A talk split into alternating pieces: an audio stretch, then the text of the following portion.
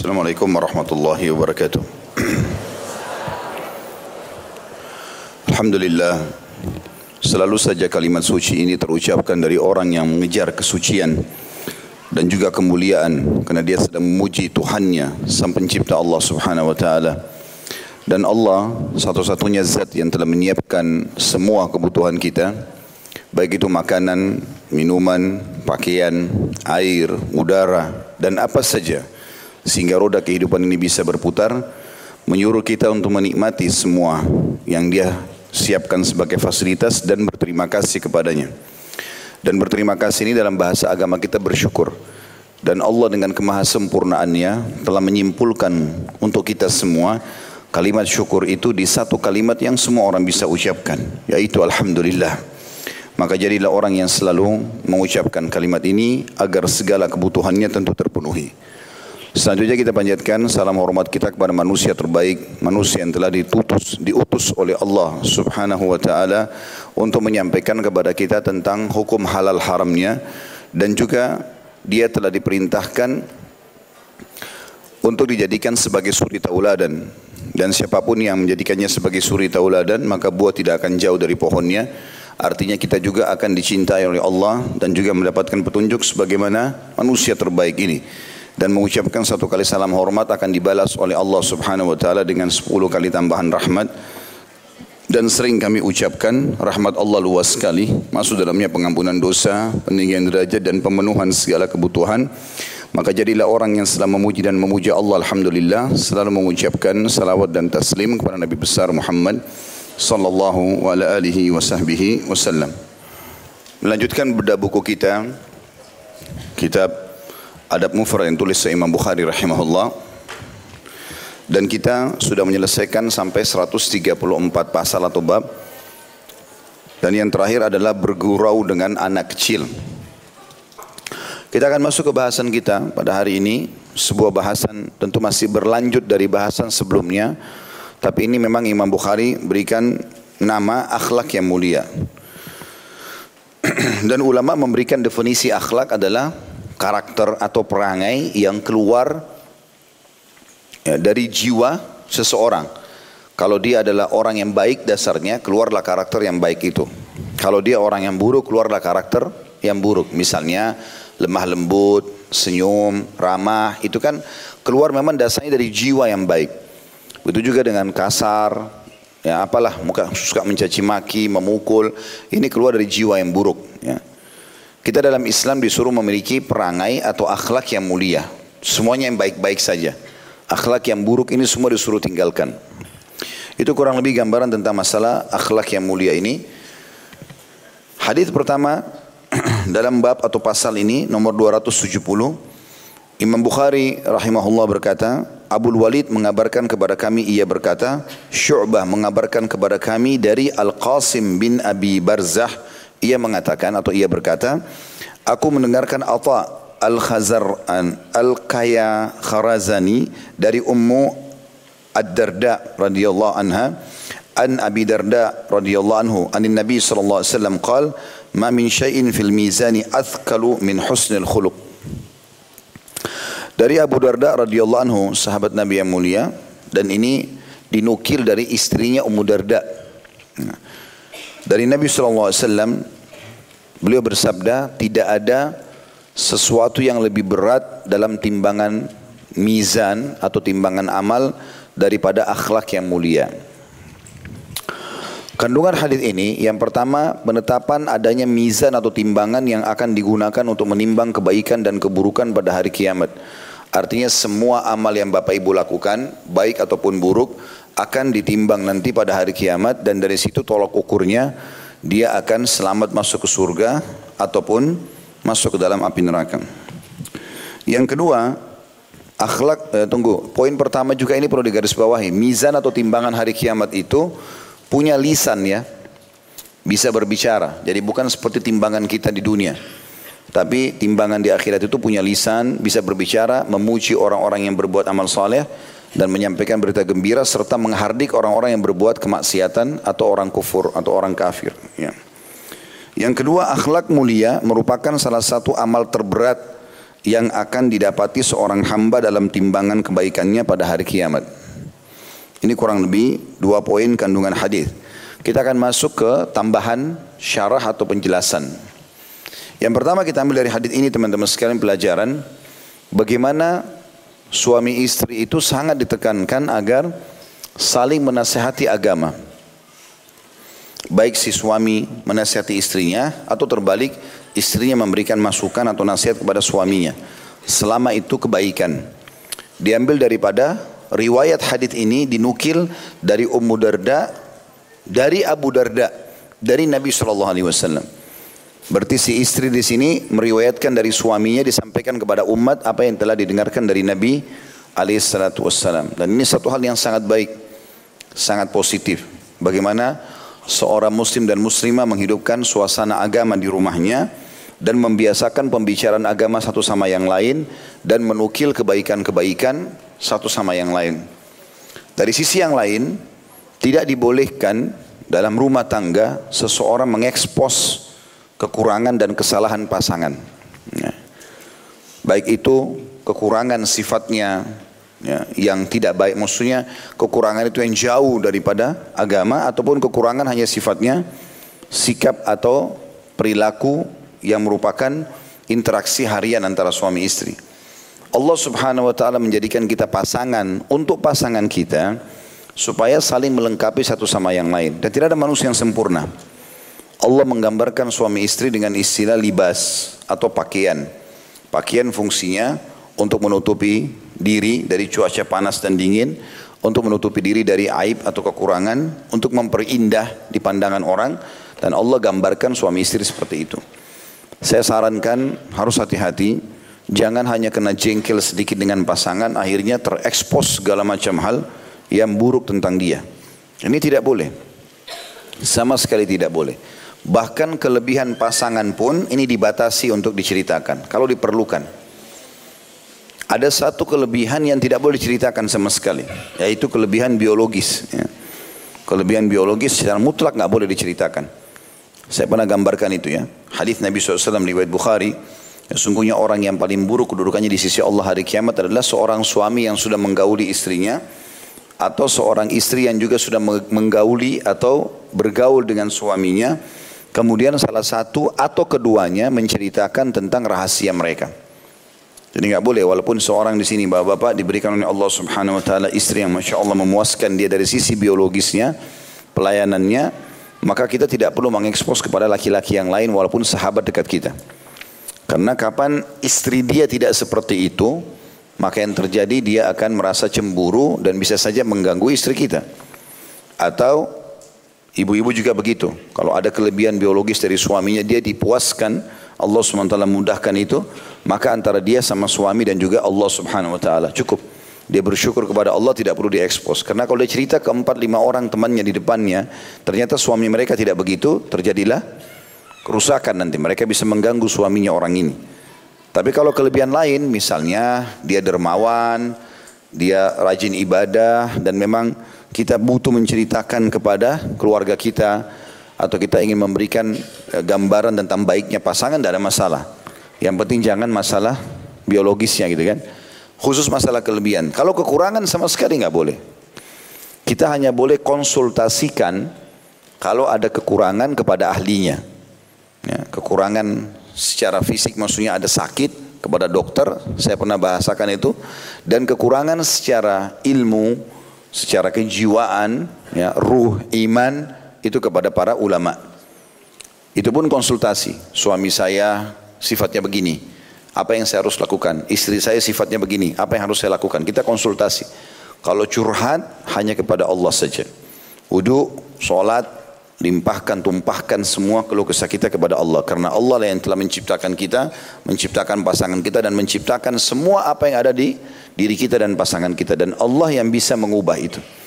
Makanya Nabi SAW selalu mengucapkan doa, Ya mukallibal kulub, thabbit qalbi ala dini.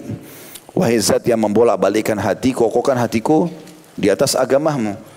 Aisyah bertanya radhiyallahu anha, "Ya Rasulullah, kenapa Anda banyak sekali membaca doa ini?" Maksudnya, apakah Anda seorang nabi juga khawatir takut nanti alih, teralihkan hatinya dari keimanan kepada hal-hal yang lain. Kata Nabi SAW, wahai Aisyah, apa yang bisa menjaminku sementara hati itu berada di jari jemari sang pencipta Allah, dia membola balikan sesuai yang dia inginkan. Artinya kalau Nabi saja begitu apalagi kita ya. Kita harus memohon kepada Allah agar hati kita kokoh. Begitu juga kita memohon kepada Allah agar dikokohkan hati pasangan kita pada ketaatan. Kalau ada kekurangan pada pasangan, tugas kita membantu dia untuk keluar dari kekurangan tersebut. Kecuali keadaan-keadaan tertentu misalnya terjadi pelanggaran agama yang besar gitu kan. Nabi SAW pernah menceraikan Hafsah, itu anaknya Umar bin Khattab, sahabiat Nabi yang mulia, istri Nabi. Tapi ternyata dia buat sebuah perbuatan yang membuat memang harus dididik dengan cara cerai. Darurat gitu. Karena dia mengajak istri yang lain atau madu yang lain untuk demo tanda kutip sini ya. Dan dia disempit antara istri-istri kita minta supaya nafkah dinaikkan. Padahal penentuan nafkah Nabi SAW itu dari wahyu. Gitu kan. Gak mungkin salah. Kalau Nabi, kalau saya sama bapak-bapak saya mungkin bisa salah. Tapi Nabi SAW itu dari wahyu. Allah SWT yang atur. Maka di situ Nabi SAW menghardik dan memberikan pendidikan. Walaupun setelah itu rujuk lagi. Nah, kalau seperti ini berbeda karena sudah ada satu hal yang berbahaya bagi rumah tangga secara umum dan sudah tahu kalau itu pelanggaran gitu ya. Ini contoh saja. Atau terjadi kemaksiatan yang besar, dia selingkuh, melakukan perbuatan-perbuatan haram dan itu ketahuan, ya, apalagi kalau sudah pernah dinasihatin tidak mau dengar itu berbeda. Maka ujungnya adalah tolak, cerai. Tetapi kalau masih interaksi harian, lupa janji, ada kekurangan dalam masakan, ada kekurangan dalam suami lupa berikan nafkah dan segala macam. Ini adalah hal-hal yang harusnya ditoleransi. Makanya Abu Darda berkata radhiyallahu anhu yang perawi hadis ini ya. Dia bilang kepada istrinya Ummu Darda yang juga yang menukil dari suaminya ini, wahai Ummu Darda, sesungguhnya kalau aku sedang marah dalam rumah tangga ini, buatlah aku ridho. Mana kalimat ini? Jangan kau ikut-ikutan emosi. Redah aku ini. Jangan kau bantah, jangan segala macam. Buat aku ridho. Dan cari sikap-sikap, kau minta maaf kah atau apa. Jangan buat saya emosi. Kalau lagi ada hal yang membuat saya marah. Dan kalau kau lagi marah, maka aku akan ridho terhadapmu. Artinya aku tidak perlu mendoakan buruk buat kamu segala macam. Kalau tidak rumah tangga ini tidak akan jalan. Karena memang akan ada penyatuan karakter. Pelajaran yang kedua dari hadis ini adalah sabda Nabi sallallahu alaihi wasallam, "Ma min syai'in fil mizani athqalu min husnil khuluq." Tidak ada sesuatu yang lebih berat di timbangan amal pada hari kiamat mengalahkan akhlak yang mulia. Dan sedikit tadi sudah kita singgung tentang adanya timbangan amal. Allah sebutkan dalam ayat Al-Quran, A'udhu billahi minasyaitan rajim, wa man ya'mal mithqala dharratin khairan yara, wa man ya'mal mithqala dharratin syarran yara. Ya. Juga dalam ayat lain, "Faman thaqulat mawazinu faulaika humul muflihun." Gitu kan? Artinya siapa yang berbuat kebaikan seperti biji sawi, dia akan lihat dan dia akan dapat balasannya. Siapa yang berbuat seperti biji sawi dari keburukan, dia akan dihukum dan akan diperlihatkan. Dalam ayat lain, siapa yang berat timbangannya, maka mereka adalah orang-orang yang beruntung, gitu kan? Ini perlu menjadi sebuah kaidah hidup. Bahwasanya semua yang Bapak Ibu lakukan sekecil apa pun akan diperlihatkan pada hari kiamat. Oleh karena itu setiap muslim harus selalu sibuk untuk memberatkan timbangan amalnya ya yang baik dan selalu meringankan kalau perlu menghilangkan sama sekali dosa-dosa yang bisa ditimbang di timbangan amalnya yang memberatkan nanti atau membawa dia ke api neraka. Timbangan ini beda sama timbangan kita, sebagaimana tadi sudah saya berikan gambaran. Dia punya lisan yang bisa memuji orang yang baik, dan timbangan amalnya diisi dengan amal soleh dan menghardik orang yang kufur atau punya dosa-dosa. Dari sisi lain, dia sangat adil. Allah SWT berikan dia kelebihan. Tidak bisa diakalin. Di dalam sebuah hadis yang sahih riwayat Bukhari, kata Nabi SAW, sungguhnya nanti akan datang orang hari kiamat, badannya sangat besar. Lalu dia loncat ke dalam timbangan amal untuk memberatkan amal solehnya. Supaya maksudnya bisa membantu mengalahkan amal buruknya supaya lolos ke surga. Tapi tidak akan pernah ada pengaruhnya sedikit pun. Timbangan ini sangat adil, dia hanya menimbang apa yang Allah perintahkan. Ya, jadi bukan timbangan benda mati kayak timbangan kita di dunia, tapi dia makhluk Allah yang hidup yang memang menjalankan tugas. Jadi dia hanya menimbang amal soleh kita saja. Oleh karena itu teman-teman sekalian, dalam sebuah hadis dikatakan siapa yang menemukan ya, amal-amal sebelum ini, maksudnya sebelum sampai hadis ini kepada mereka, kebaikan-kebaikan seperti Bapak Ibu dengarkan pagi ini misalnya, hari-hari yang lalu ada amal-amal soleh, bersyukurlah kepada Allah. Kalau itu adalah amal buruk, bertaubatlah. Ya, karena memang tidak bisa kita membawa perbuatan buruk kita pada hari kiamat. Ya. Terutama teman-teman kalau dosa itu berhubungan dengan manusia. Allah maha pengampun. Dan sifatnya Allah subhanahu wa ta'ala rahmatnya sangat luas. Bahkan kata Nabi SAW dalam hadis Bukhari Muslim, Allah itu menciptakan seratus rahmah, kasih sayang. Dan Allah turunkan di muka bumi ini satu saja. Di antara sifat kasih sayang yang satu itu adalah bagaimana induk hewan mengangkat kakinya pada saat dia baru melahirkan supaya tidak menginjak anaknya. Jadi semua kasih sayang yang tersebar di muka bumi ini termasuk sayang kita pada anak, sayang kita pada pasangan itu adalah satu dari kasih sayang Allah yang 99-nya Allah akan siapkan hari kiamat. Artinya Allah betul-betul nanti akan banyak memaafkan hamba-hambanya. Siapa mereka Allah alam gitu kan. Makanya dalam pemahaman ahli sunnah wal jamaah kalau ada orang yang melakukan perbuatan-perbuatan dosa selain kekufuran yang bisa membuat dia kekal di api neraka, perbuatan musyrik, sekutukan Allah, ataupun orang-orang munafik selain ini, maka mereka masih tahta masyiatillah. Di bawah keinginan Allah. Kata Nabi SAW, insya adzabah wa insya ghafarlah. Kalau Allah mau Allah maafkan, kalau Allah mau Allah hukum dia. Tapi umumnya rahmat Allah luas. Tapi kalau berhubungan dengan dosa kita, kesalahan kita sama manusia ini berat. Karena kata Nabi SAW dalam hadis yang lain, Sesungguhnya ada satu hal yang Allah tidak akan maafkan di timbangan amal sampai pemiliknya ridho. Yaitu hubungan seorang makhluk atau manusia sama manusia yang lainnya. Orang itu teman-teman jangan pernah punya musuh di muka bumi. Maksudnya ada hak orang lain pada kita. Kalau ada orang musuhin kita terserah dia. Selama kita benar di jalan Allah nggak usah peduli. Itu biasa. Nabi Muhammad SAW sendiri manusia sempurna tapi ada orang munafik, ada orang-orang yang tidak suka dengan beliau. Tapi yang tidak suka pasti orang yang berbeda jalur. Ya, tidak mungkin orang beriman benci orang beriman yang lainnya. Ya, pasti yang benci juga dia adalah orang yang bertolak belakang seperti itulah. Selama bukan kita yang mengambil haknya orang lain. Kalau ada di sini, mohon maaf, saya bahasakan, saya tidak tahu, ya, tapi saya cuma memberikan nasihat saja. Kalau ada di antara anda yang masih ada hak orang lain padanya, segera selesaikan. Jangan tidur malam ini kecuali sudah minta petunjuk kepada Allah Subhanahu wa taala. Ya Allah mudahkan kalau seandainya masih ada hakmu atau hak makhlukmu yang belum aku tunaikan, ya ingatkanlah dan mudahkan. Jangan sampai kita meninggal sementara masih ada hak orang lain. Sekecil apa pun hak orang itu, walaupun cuma 10 10 ribu rupiah, 5 ribu rupiah, 1000 rupiah saja misalnya, atau kita pernah injak sendalnya dan dia tidak suka, atau apalah hal-hal kecil kita pernah pakai pulpennya tanpa izin. Ini kita bicara hal kecil, apalagi hal-hal yang besar gitu kan. Maka itu sudah cukup untuk dia panen pahala kita hari kiamat. Dan kita tidak pernah tahu, mungkin saja dengan satu pulpen yang pernah kita ambil dari teman, mengambil seluruh pahala solat kita. Allahu a'lam. Tapi yang jelas Nabi menggambarkan orang-orang yang melakukan atau punya masalah dengan manusia di dunia, pasti akan muflis pada hari kiamat. Muflisnya bangkrut total. Habis semua pahalanya. Ada dua orang yang sangat bangkrut hari kiamat ya. Yang pertama itu adalah orang yang mencaci maki orang, mengambil haknya orang lain ya, pernah menggibah, memfitnah dan segala macam dan tidak sempat minta maaf di dunia. Ini Nabi SAW gambarkan orang yang bangkrut.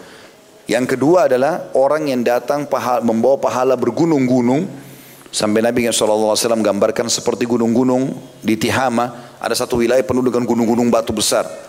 Tapi Allah akan hancurkan seluruh pahala-pahalanya itu menjadi seperti debu yang berterbangan karena dia sering melakukan perbuatan dosa di saat dia sendirian. Ya, ini dua kelompok yang akan hancur amalnya hari kiamat. Tapi yang ingin kita titik beratkan yang pertama, jangan pernah punya masalah sama orang lain. Kalau ada haknya orang lain teman-teman lebih baik kita malu di dunia, minta maaf dan kita kembalikan daripada urusannya di akhirat.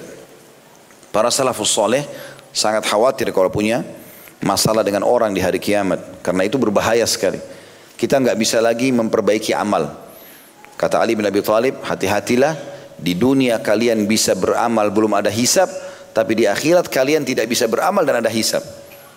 Nggak bisa kita perbaikin. Kalau misalnya pahala sholat kita sudah diambil oleh orang, kita nggak bisa kembali sholat lagi buat yang baru. Nggak bisa. Berarti sudah hilang itu selamanya. Maka harus hati-hati teman-teman. Jangan pernah lahirkan musuh. Berakhlak mulialah. Jangan balas kebodohan dengan kebodohan. Jangan orang giba, kita giba. Orang fitnah, kita ikut fitnah. Dia dihukum, kita dihukum. Harus jadi orang yang cerdas. Balas keburukan-keburukan orang itu dengan kebaikan. Biarkan dia buruk urusan dia. Kita nggak seperti itu. Kita nggak usah ikut-ikutan. Ya, Allah punya cara nanti memperlihatkan siapa yang salah dan siapa yang benar. Ya, itu tidak butuh waktu yang lama kok. Kalau ada orang suka gosipin bapak ibu, orang fitnah, kita nasihatin dia nggak mau dengar ya sudah. Tapi Allah punya cara membongkar dia dan itu tidak lama di dunia sebelum akhirat dan di akhirat kalau dia tidak minta maaf selama dunia pasti kita akan panen pahala. Senyum saja. Ini orang fitnah saya Ustaz, ini orang gibah saya. Senyum, balas dengan senyum. Malah bersyukur. Hari kiamat saya akan panen pahala. Itulah yang dilakukan oleh Abdullah bin Mubarak rahimahullah dan ulama-ulama salaf yang terdahulu. Mereka kalau ada yang menggibah, mereka malah kirimkan hadiah dan mengatakan terima kasih kau sudah berbagi-bagi pahalamu untuk. Gitu kan? Jadi nggak usah pegel dengan itu. Ya, karena bukan kita sendiri, tapi semua orang. Siapa di antara kita yang belum pernah digosipin orang lain? Siapa di antara kita yang tidak pernah ditipu? Semua orang merasakan itu kan? Maka ini pasti terjadi sebagai ujian dalam kehidupan kita. Tentu cukup banyak bahasan tentang masalah timbangan amal ini. Kalau yang berminat untuk mendengarkan lebih jauh ada bahasan kami di YouTube bedah buku kitab Minhajul Muslim ada bab khusus tentang hari kiamat di antaranya bahasan masalah mizan atau timbangan amal ini. Dan timbangan amal ini kalau sudah selesai ditimbang amal baik amal buruk kita dan amal baik kita lebih berat maka secara otomatis kita akan lolos kita akan menuju ke haud. Haud itu telaga Nabi SAW yang beliau mengatakan, aku akan mendahului kalian di haudku dan uh, siapa haudku seluas ya uh, pandangan mata dan dipenuhi dengan canteng-canteng atau gelas-gelas untuk minum sejumlah bintang di langit. Siapa yang minum seteguk dia tidak akan haus selamanya. Ada sebuah riwayat menjelaskan telaga atau haud Nabi SAW itu ya sumbernya dari surga. Kemudian setelah itu baru kita menuju ke kantara, sebuah tempat di depan surga, baru kita masuk ke dalam surga tentunya. Ya. Tapi kalau orang timbangan buruknya lebih berat daripada timbangan amal baiknya, maka dia akan melalui neraka dulu kalau dia adalah orang-orang beriman untuk membersihkan kesalahannya. Disilakan dengan usatul mukminin. Kalau dia orang kafir, munafik, musyrik, maka tidak ada lagi timbangan amal bagi mereka. Diperlihatkan amalnya iya, tapi tidak ada timbangan. Karena tidak ada gunanya, amal baiknya pun tidak bermanfaat. Tapi diperlihatkan iya. Mereka akan diperlihatkan tapi tidak akan berguna timbangan tersebut. Jadi di hari kiamat itu ada tiga golongan. Ada orang yang lolos tanpa hisab. Ini adalah para nabi-nabi. Ya, para syuhada. Orang-orang yang mati syahid. Orang-orang yang banyak cobaannya di dunia. Ya, sebagaimana sabda Nabi Shallallahu Alaihi Wasallam, seorang mukmin akan diuji terus di dirinya, di hartanya, di keluarganya sampai dia bertemu dengan Allah, tidak ada dosa sedikit pun. Jadi kalau ada orang dari cobaan ke cobaan, dari cobaan ke cobaan itu kebaikan buat dia. Karena pembersihan dosanya sebenarnya dan meringkas umurnya dalam ketaatan. Ini orang-orang yang lolos tanpa hisab dan semoga insya Allah kita termasuk di antara orang-orang ini masuk surga tanpa hisab. Ada golongan kedua, dihisab dulu, ditimbang dulu amalnya, baru masuk surga. Kalau amal baiknya lebih berat daripada amal buruknya. Atau dia akan masuk neraka dulu, kalau dia amal buruknya lebih berat daripada amal baiknya. Dan ini khusus orang-orang beriman saja. Yang ketiga, orang yang tidak pakai ditimbang lagi amalnya, tapi tetap ada pemaparan diperlihatkan ini amal-amal baiknya, ini amal-amal buruknya. Tetapi amal baiknya tidak akan bermanfaat bagi dia. Mereka adalah orang-orang kafir, musyrik dan orang munafik yang akan kekal dalam api neraka. Tentunya ini seperti itu kurang lebih gambarannya pada hari kiamat.